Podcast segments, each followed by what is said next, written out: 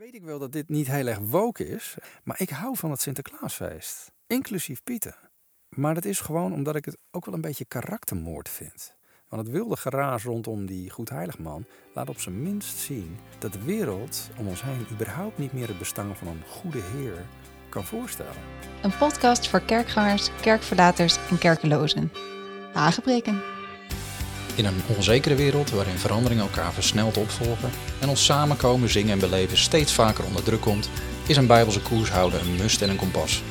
Tuurlijk, het is jouw leven, het is jouw schip, maar de beste stuurlui, die hebben een loods. Mijn naam is Benaya en ik vaar graag een handje met je mee. Hi, tof dat je weer luistert naar Hagepreken. Het is een beetje een stille dag vandaag, er staat geen wind, het is een beetje mistig. Ik zit hier in het bos, sommige mensen vinden dat onheimisch, maar ik, ik vind het eigenlijk wel mooi. Past ook wel een beetje bij het onderwerp waar we in zitten nog. Ehm, vorige keer had ik natuurlijk al even de aanzet gegeven tot dit onderwerp. Het is iets waarover de nekharen van menig Love, Peace en Joy christen overeind gingen staan, namelijk de vrees voor God. En dat is een lastig onderwerp. Onstotelijk in de Bijbel, hè, dat weten we, in zowel Oude als Nieuwe Testament. Maar het blijft lastig. Hoe vlieg je nou zo'n onderwerp aan? En toch geloof ik dat in het kader van het thema van dit seizoen het niet mag ontbreken. En dat is simpelweg omdat ik, in tegenstelling wat sommigen misschien denken, dit wel beschouw als een essentieel deel van wat ons in elk geval zou moeten kenmerken als burgers van een nu nog onzichtbaar koninkrijk van God. Want de wereld kan in een bepaalde mate van alle onderwerpen die we tot nu toe hebben behandeld, liefde, hoop en zelfs geloof, kan de wereld dat laten zien. Maar de mens die God verwerpt of zijn bestaan betwijfelt, kan niet een beetje vrees voor God laten zien. En dat is uniek aan de mensen die zich realiseren dat zij rekenschap hebben af te leggen van hun leven aan de schepper. Als je namelijk sowieso niet gelooft dat er een almachtig God bestaat, die alles gemaakt heeft en in zijn hand houdt, dan zal je ja, hem nog liefhebben, nog vrezen. Snap je wel? Maar voor christenen blijft dit ook een lastig onderwerp. Want enerzijds vertelt de Bijbel ons dat God de wereld zo lief had dat hij zijn enige zoon zond, hè, bekende tekst. Terwijl aan de andere kant, dat haalde ik vorige keer al aan, er ook teksten staan in het Nieuwe Testament die spreken over ja, een opdracht om te werken aan ons eigen behoud met vrees en beven. Filippenzen 2 staat dat. En dat God een verterend vuur is, zegt Hebreeën 12. Ja, hoe match je die twee, vraag je dan af.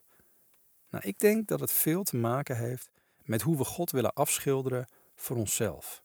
En vaak kleuren we hem in op een manier dat we nog enigszins comfortabel voelen bij het plaatje.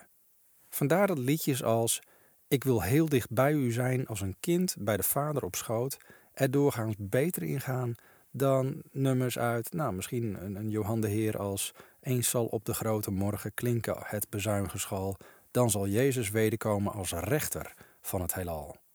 En misschien ken je dat wel. Wie zal op deze grote morgen buigen voor die majesteit? Wie zal op die grote morgen vluchten voor die heerlijkheid? Ja, dat bekt niet zo lekker. Die, die liederen zingen we daarom ook niet echt meer. Dat, dat wrikt gewoon een beetje. Een lieve vader is nu eenmaal veruit favoriet boven God als rechter en heerser over ons leven. En de vraag is natuurlijk wel of we daarin ons niet een beetje te ver hebben mee laten sleuren met het beeld wat de wereld om ons heen van onze lieve Heer heeft, of wat het beeld van de wereld überhaupt is van een Heer. Nou, elk jaar rondom deze tijd worden we daar natuurlijk weer mee geconfronteerd. En dan doe ik even op ons volksfeest Sinterklaas. Want laten we wel wezen, elk jaar is het natuurlijk wel weer raak. En dan lijkt dit jaar nog rustig verlopen, maar er zijn ook jaren geweest dat de Sinterklaas-intocht meer politiepetten dan pieten telde. En dat de hoeveelheid politieknuppels ja, gewoon een lachertje maakte van de roe van Piet. En dat is sowieso een, nou ja, een kastijdingsinstrument wat niet meer gehandhaafd mag worden in de moderne opvoeding. En ergens vind ik dat toch wel een, een verlies van onze tijd. Dat Sinterklaas van een ongedwongen kinderfeest tot een soort raciale machtsstrijd is verworden. Tenminste, als we de media mogen geloven. Dan eerlijk gezegd lijkt de hele discussie aan kinderen voorbij te gaan. Als volwassenen het niet op de spits hadden gedreven, hadden ze er niet om gemaald. Of zoals een van mijn vrienden uit Ghana een keer vroeg aan mij: Die zwarte Piet, die is toch zwart vanwege de schoorsteen? Zelfs hij had niet helemaal door wat nou het punt was. En, en zijn reactie daarin vond ik boeiend, want ja, ik heb ook andere vrienden die daar wel meer bij voelen en ook soms ook echt aanstoot aan nemen. En dat is legitiem. Um, Maar het is niet over de brede linie bij elke bevolkingsgroep ook op dezelfde manier binnengekomen. Hoe het ook zij, voor mijn kids is de enige goede Piet sowieso de Piet die gewoon veel snoepgoed geeft. En of deze nou zwart, beige of gifgroen is, dat maakt hun helemaal niks uit. Uiteindelijk zijn ze meer bezig met het aanvullen van hun verlanglijstjes en hoe vaak ze hun schoenen kunnen zetten, dan wie er op de stoomboot van Sigint staat te zwaaien. Dat doet er niet zoveel toe. Maar al met al wordt het contrast met het heerlijke avondje uit mijn kindertijd met het jaar groter. Dat zie ik wel. Al hebben mijn ouders wel meteen verteld hoe het zat. Ik wist dus al heel gauw dat die man op het paard, dat is Sinterklaas met die baard is nep. En Piet ook trouwens. En dat was onder andere meester Lotteman. um, cadeautjes kochten papa en mama, dat wist ik ook, bij de speelgoedwinkel. En die schoen die ging mama niet elke avond vullen. Dat is dan jammer. Mocht twee, hoogstens drie keer. Nou, je begrijpt dat mijn premature inwijding deze nationale conspiracy daarmee ook het flink verpesten voor mijn klasgenootjes. Want ik wist iets wat zij uh, nog echt niet wisten. Nou, ik en mijn zus bleven het, ondanks dat we wisten hoe het zat, toch prachtig vinden. elk jaar weer die race tegen de klok om de surprises met gedicht, let wel, voor zevende bij de Open Hart te parkeren. We waren er druk mee bezig, geweldig. Al was het wel zo dat het surprise gedeelte er al gauw werd afgetikt naarmate de dichterlijke devotie toenam. Um, bij ons thuis kon je dan ook niet aankomen met zo'n uitgekoude Sint zat zwaar te denken wat hij jou zou schenken cliché. En zelfs een schamel paar sokken werd nog bejubeld met Shakespeareaanse ambities. Maar goed, hoe mooi deze traditie ook toen was, vandaag de dag lijkt Sinterklaas echt wel een strijdtoneel geworden waarop vooral iedereen zijn eigen belangen lijkt te verdedigen. Zo van Nederlanders met een migratieachtergrond willen niet dat dit een fout feest wordt, waarin slavernij wordt uh, gevierd of geëtaleerd. En de Nederlanders die zich juist door migratie-invloeden beroofd voelen van een stukje Nederlandse traditie. En bovendien hun Sinterklaasbundel niet willen herschrijven. En zelfs de LGTBQ-lobby, eh, of hoeveel letters hebben we tegenwoordig, ja, die, die ziet zijn kans weer om de Piet af te schilderen in een herinterpretatie van de regenboog, ons allen wel bekend. En dat terwijl mijn koters zich ondertussen zelfs met een zwarte Klaas en een Sinterpiet zouden kunnen verzoenen, zolang ze maar cadeautjes krijgen. Nou ja, je begrijpt wat ik bedoel. Nou, wat heeft dit nou allemaal te maken met de vrees des heren, vraag je misschien. Waarom, waarom, waarom begin je hierover? Nou, ik heb hier wel eens een keer een artikel over geschreven, want elk jaar bekruipt mij het gevoel van een gemiste kans voor ons als christenen. En misschien juist wel omdat we geneigd zijn om ook deel te nemen aan alle gehakketak eromheen. los van hoe je daarover denkt, daar ga ik even niet over. Maar dit terwijl we juist ook door het Sinterklaasfeest iets van Gods karakter zouden kunnen laten zien. Dwars door dat taaie debat heen. Want het wilde geraas rondom die goedheiligman laat op zijn minst zien dat de wereld om ons heen überhaupt niet meer het bestaan van een goede Heer kan voorstellen. En, en misschien wij in zekere zin ook wel niet. Uiteraard begrijp ik wel dat het beeld van een heer en knecht is gekleurd door het slavenbeleid van onze vaderlandse geschiedenis. En daar liggen zeker ook heel wat misstanden. Maar ook dat beeld is niet compleet. Hè? Dus ook dat is een eenzijdig ehm, debat. En sowieso waren de Afrikaanse stamgenoten betrokken in de vangst en de verkoop van hun eigen mensen. Maar werden er ook van, nou neem bijvoorbeeld Amerika, zo'n 12,5 miljoen slaven werden naar de nieuwe wereld verscheept. Maar een half miljoen werd maar aan Amerika verkocht. De blanke tak daar. En de rest ging naar Zuid-Amerika en de Caribische eilanden.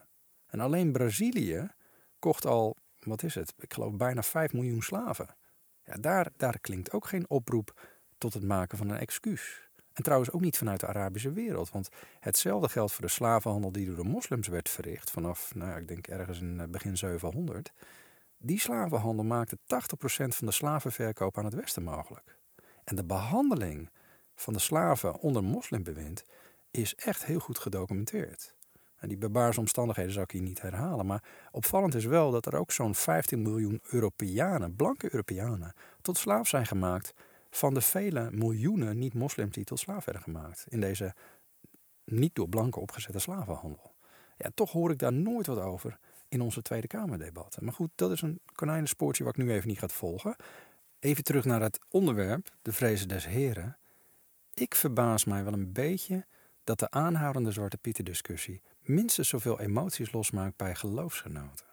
Niet dat ik wil bagatelliseren wat er is gebeurd in het verleden. Nogmaals, daar, gaat het niet om. Maar wel wat betreft de specifieke context. Juist omdat velen van ons niet aarzelen om Jezus onze lieve Heer te noemen. Dezelfde Heer die zei: Jullie zijn mijn vrienden als jullie doen wat ik jullie beveel. Johannes 15. En wie heeft nooit geleerd te bidden? U wil geschieden. Ja, dat, dat riekt naar slavernij. Vrijwillig weliswaar, maar het klinkt toch bijzonder slaafs. En ergens is het wachten op het uitbarsten van een maatschappelijke discussie richting de Bijbel rondom het ogenschijnlijk slavengedoogbeleid van het Nieuwe Testament. Want laten we wel wezen, de apostel Paulus geeft immers mede-christenen in een heer-en-slaafverhouding wel de nodige instructies van hoe ze met elkaar om moeten gaan, maar hij bepleit niet een duidelijke afschaffing van dit soort praktijken. Hij lijkt dit binnen het spectrum van keuzevrijheid te laten, tenminste wanneer die geboden wordt. En dat lees je heel duidelijk, bijvoorbeeld in 1 Korinthe 7.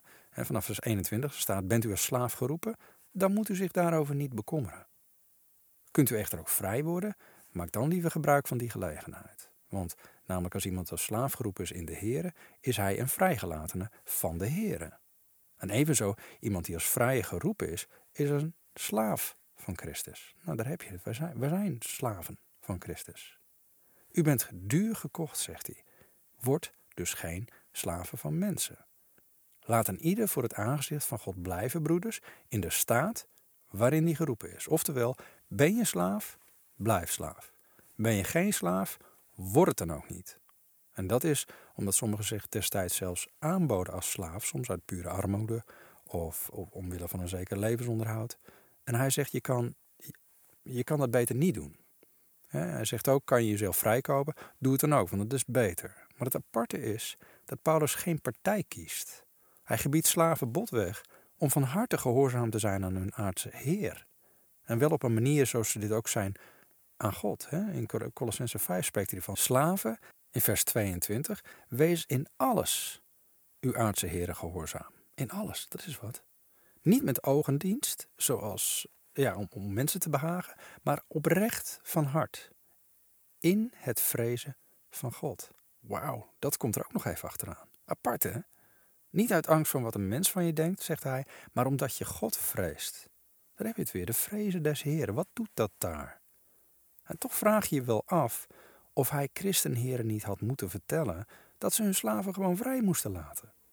In plaats daarvan roept hij heren enkel op om hun slaven te geven waar ze recht op hebben, om hen goed en als gelijken te behandelen. He, zoals in het volgende hoofdstuk wat erna komt, Colossense 4, daar staat: Heren, behandel uw slaven rechtvaardig en op gelijke wijze. U weet immers ook dat u een Heere hebt in de hemelen. Ja, dat is op zijn minst boeiend te noemen. De insteek van Paulus valt eigenlijk alleen maar te begrijpen in het licht van Jezus' eigen houding als Heer naar ons. En onze Heer Jezus laat zijn hart spreken als hij aangeeft dat hij niet kwam om gediend te worden, maar om te dienen en zijn ziel te geven als losprijs voor velen. Misschien ken het stuk, Marcus 10. Zijn werkelijke houding als Heer spreekt boekdelen. Hij zegt: Ik noem u niet langer slaven, hè? ik heb dat net genoemd, Johannes 15, want een slaaf weet niet wat zijn Heer doet. Maar ik heb u vrienden genoemd, omdat ik u alles wat ik van mijn vader gehoord heb, bekendgemaakt heb. Anders gezegd, Jezus is onze Heer, maar Hij beschouwt ons als vrienden en kiest ervoor om ons niet langer slaaf te noemen. En meer nog dan dat, Hij benadrukt ons als een deel van de familie. En Paulus, die onderstreept dat. Hij zegt, dus u bent nu geen slaaf meer, hè, gelaten 4 vers 7, maar u bent een zoon. En als u een zoon bent, dan bent u ook een erfgenaam van God, door Christus. Ja, dat vind ik zelf een heel mooi Sinterklaasplaatje. Denk je misschien, wat is dit? Ja, maar een, een heer die dient en die deelt. En slaven die behandeld worden als vrienden. En zelfs de geheimen van hun familie mogen weten. Ja, ik denk wel eens zou het toeval zijn dat die bekende discipel Simon, die het grootste geheim van de Vader geopenbaard krijgt, namelijk dat Jezus de Christus is, de Zoon van de levende God, daarop spontaan door de Heer Piet werd genoemd. Ja? Petrus werd genoemd, Matthäus 16. Ja, nu weet ik wel dat dit niet heel erg woke is, hè, deze aflevering, en waarschijnlijk ook bijzonder politiek incorrect, maar ik hou van het Sinterklaasfeest, inclusief Pieten. En, en niet omdat ik zelf een, een, een, een wittere huiskleur heb, ik ken ook eh, vrienden van mij die een, een donkere huiskleur hebben. Hè, zwart, donker, je weet gewoon niet eens meer wat je mag zeggen. Maar um, die, die hebben er ook geen moeite mee. Sommigen die hebben er ook wel moeite mee. Maar ik, ik hou van het Sinterklaasfeest, inclusief Pieten. Misschien juist wel met, of in ieder geval een aantal van die felbevochten zwarte Pieten. Ja, benaaien, foei, hoe durf je? En dat nog wel als christen. Geef je, geef je dan niet om de gevoelens van je medechristenen met een migratieachtergrond? Jazeker wel. Maar ik aarzel niet om dit zo te stellen. Ook al weet ik dat deze podcast via het internet waarschijnlijk behoorlijk lang zal circuleren en uh, tegen je gebruikt kan worden. Maar dat is gewoon omdat ik het ook wel een beetje karaktermoord vind. Karaktermoord van Nicolaas, de Turkse bisschop van Myra. Want eerlijkheidshalve vind ik het eigenlijk best een beetje gek dat deze oude bisschop, die met zijn reputatie miljoenen wist te bewegen tot vrijgevigheid, hè, zelfs Santa Claus is, is, is op hem geïnspireerd, dat hij nu onder vuur ligt als een soort vermeende blanke racist en slaven-eigenaar. Want zelfs al lukt het je om hard te maken dat de man zoveel knechten had en dat ze allemaal in een toestand van gedwongen slavernij verkeerden, ja, dan zou je toch denken dat zo'n filantropische bisschop ook zijn inspiratie en behandeling van zijn pietermannen ergens vandaan gehaald moet hebben. Ik bedoel, iemand die zoveel geeft en op zo'n manier. Ja, ik kan me indenken dat een bisschop bij uitstek doordrongen is van het punt dat Paulus maakte, namelijk dat wij alle een Heer hebben in de hemelen, zoals Paulus zei, en slaven zijn van Christus. Dat moet zijn motivatie geweest zijn, anders sta je niet zo in het leven. Maar goed, ik wil hier ook niet langer over Zwarte Pieten, want tijden veranderen. En, en soms is dat even schakelen voor iedereen. Ook ik dacht, net als sommige van mijn Afrikaanse vrienden, dat Zwarte Piet gewoon zwart was omdat wij die schoenen steeds weer bij de haard bleven zetten. Maar als het in werkelijkheid een pigmentkwestie is geweest, dan was het voor ons nog niet echt een punt. Want als kind wilden wij namelijk allemaal Zwarte Piet zijn. Want basketballen wouden we ook zoals Michael Jordan. En we wouden ook dansen zoals Michael Jackson. En die waren allemaal zwart, tenminste toen nog wel. Maar nog belangrijker, allemaal waren ze ook stoerder. En, en, en de Pieten waren ook stoerder dan de oude bleke Sint. Die zagen we toch wel een beetje als een soort bejaarde die waarschijnlijk te paard ging, omdat hij anders de supersnelle acrobatische Pieten niet bijhield. Maar ja, dan is de favoriet makkelijk te spotten natuurlijk. Dus, dus van de kant van de kinderen was het ook niet een racistisch iets. Het was een bewonderenswaardig iets. Je wou Piet zijn. En je wou je Pietendiploma. Maar goed, inmiddels ben ik zelf vader. En hoewel die mooie mythe elk levensjaar natuurlijk een beetje meer verdampt, omdat uh, mijn opgroeiende kinderen daar uh, ja, steeds meer door hebben hoe het zit, heb ik ze altijd wel wijs gemaakt dat Piet zo zwart als roet is vanwege de schoorsteen. En omdat ik gewoon vind dat het hele idee van die regenboogpieten eerder bij Prins Carnaval als bij de Sint thuis horen, eh, begin ik daar niet over. Maar zo kijk ik er tegenaan. En ik hoop dat je het me vergeeft als je er aanstoot aan neemt. Ehm, maar waarschijnlijk is de roetpiet gewoon ook wel een passend compromis. tijden veranderen. Zolang er maar geen specifieke keuringdienst van roetpieten in het leven wordt geroepen om de sminkpigmentcheck uit te voeren, om te voorkomen dat de pieten er toch misschien weer iets te zwart uitzien, dat vind ik zwaar overdreven. Maar je weet maar nooit in ons woke-minded landje. Maar één ding zal ik in ieder geval niet nalaten. En dat is om deze hele zwarte pieten discussie aan te grijpen. Om mijn kids te leren, want ze, ze, krijgen dat toch mee, om niet alle mensen over één kam te scheren.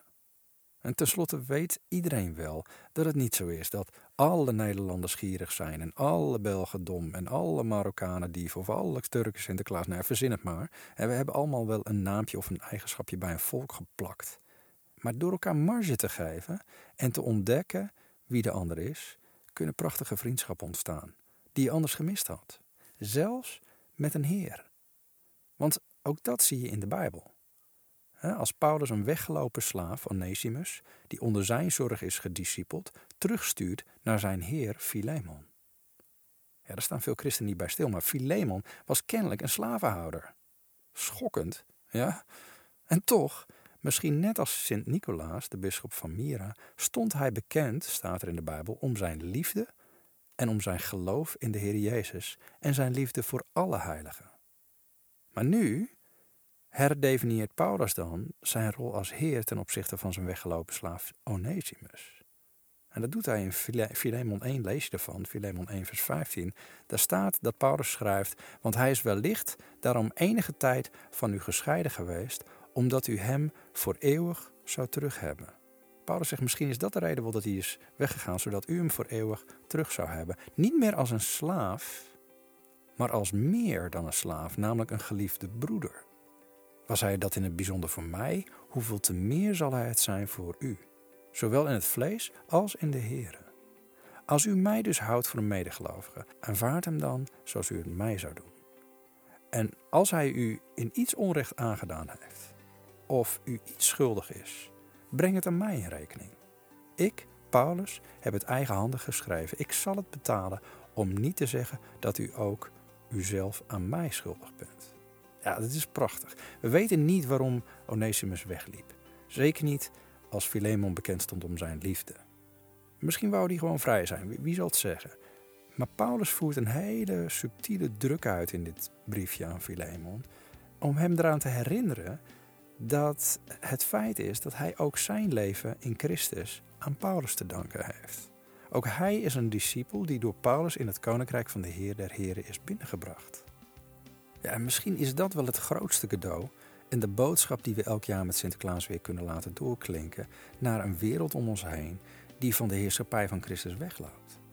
Het verhaal van de Sint is het verhaal van een gevend hart. Het verhaal van onverdiende genade. En daarmee de allermooiste vriendschap met de Heer, Jezus. Misschien is dat wel de bottom line van Sinterklaas. Misschien blijft juist door de Sint en zijn knecht ergens nog de hoop levend dat een lieve Heer wel degelijk bestaat. Blijven luisteren, blijven koers houden. Ja, en dan nog even dit. Ik kan me wel voorstellen dat je zegt, dit was geen hagepreek, dit was meer de Heilige Koe Barbecue. Ehm, dat kan. Heb je vragen, heb je aanvullingen of opmerkingen? Mail me gewoon even. Podcast at